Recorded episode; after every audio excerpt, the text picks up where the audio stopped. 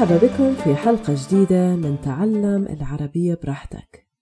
بهذا البودكاست بتقدروا تستمعوا للعربية العامية اللي بنتحدث فيها بالأردن. أنا اسمي عايدة وعم بعمل هذا البودكاست حتى أساعد اللي بتعلموا العربية العامية إنهم يحسنوا مهارة الفهم والاستماع لهاي اللغة الجميلة بالمستوى المتوسط. اليوم رح أحكي عن نظريات المؤامرة. أكيد معظمكم سمعتوا عن نظرية أو نظريتين من نظريات المؤامرة المرتبطة بأحداث عالمية مهمة. طيب خلينا أول إشي نحاول نعرف شو هي نظرية المؤامرة. لما يكون في حدث معين مؤذي أو مزعج أو سلسلة أحداث ممكن يكون إلها تأثير مباشر أو غير مباشر على بلد ما لكن في معظم الحالات بيكون إلها تأثير على الشؤون العالمية والتفسير الرسمي اللي بنسمعه مشكوك فيه أو بنعتبر أو جزء كبير من عامة الناس بيعتبروا بأنه هذا التفسير مشكوك فيه. بتبلش نظرية مؤامرة تظهر حوالين هذا الحدث.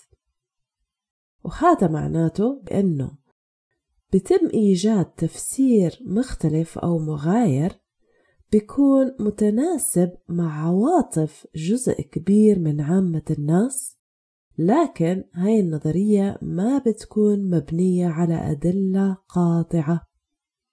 عادة نظريات المؤامرة بتزيد بالأوقات اللي بنتشر فيها قلق واسع بتسبب أو بيسببوا كوارث طبيعية أوبئة أو اغتيال سياسي. نسبة الناس اللي بيآمنوا بنظريات المؤامرة بيعتمد لدرجة كبيرة على الدولة وعلى الحدث نفسه. الناس بيآمنوا بنظريات المؤامرة حتى يقدروا يتغلبوا على مشاعر صعبة. وعادة هاي المشاعر مرتبطة بالقلق اللي بينتج عن حدث معين صعب فهمه أو مش اعتيادي.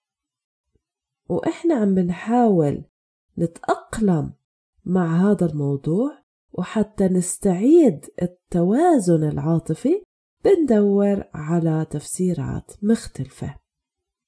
وفي دراسة عملوها قبل أربع سنين ببريطانيا. بيّنت هاي الدراسة إنه ستين بالمية من البريطانيين بيآمنوا على الأقل بنظرية مؤامرة واحدة ترتبط بكيفية إدارة البلد أو حقيقة المعلومات اللي بتوصلهم. وفي دراسة عملوها بال2015 بيّنت بأنه 50% من الأمريكان بيآمنوا بنظرية مؤامرة أو أكثر طيب خلينا نطلع على بعض أشهر نظريات المؤامرة بالعالم. والمصدر هو مجلة تايم.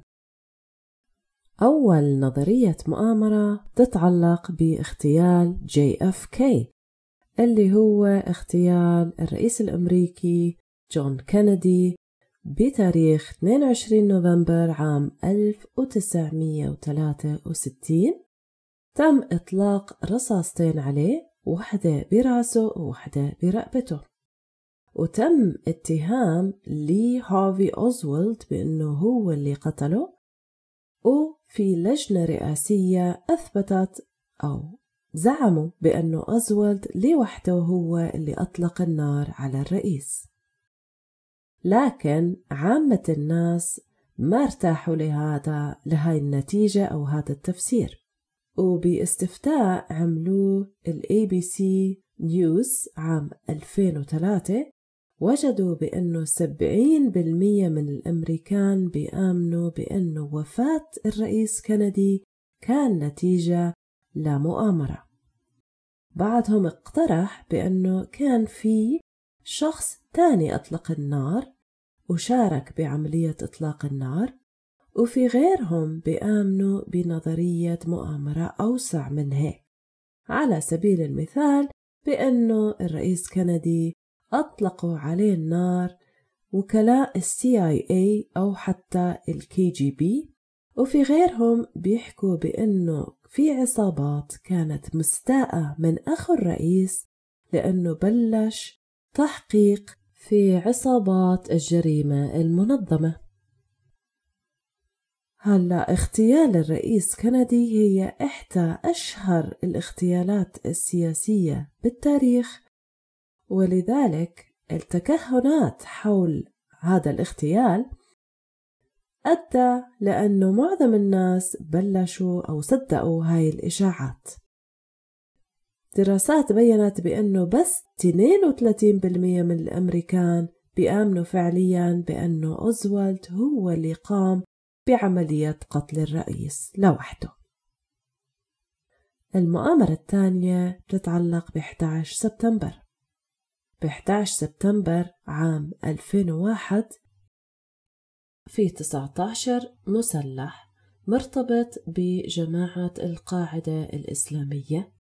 اختطفوا أربع طيارات وقاموا بعمليات انتحارية ضد أهداف في الولايات المتحدة. في تنتين من الطيارات استهدفوا البرجين التوأمين لمركز التجارة العالمي في مدينة نيويورك. وب 11 سبتمبر بهاي الهجمة توفوا تقريبا 3000 شخص. وهذا الإشي أدى لمبادرات أمريكية ضخمة لمحاربة الإرهاب. لكن باستفتاء أجروه بال 2006 وجدوا بأنه 42% من الأمريكان بيآمنوا بأنه الحكومة الأمريكية ولجنة التحقيق بأحداث 11 سبتمبر أخفت أو رفضت إنها تحقق بأدلة مهمة تتناقض مع تفسيرهم الرسمي بهجمات 11 سبتمبر. وبعض الأسئلة اللي أثاروها بهاي الصلة بهذا الموضوع هي ليش الجيش الأمريكي فشل بأنه يعترض الطيارات المختطفة وهل الحكومة الأمريكية كانت أصدرت أمر بعدم التدخل مع خطة سرية لتدمير المباني هاي حتى يلوموها على جماعات إسلامية؟ النظرية الثالثة تزوير عملية هبوط الأمريكان على القمر مرت أكثر من خمس عقود من لما أعلنوا نزول نيل أمسترونغ على القمر.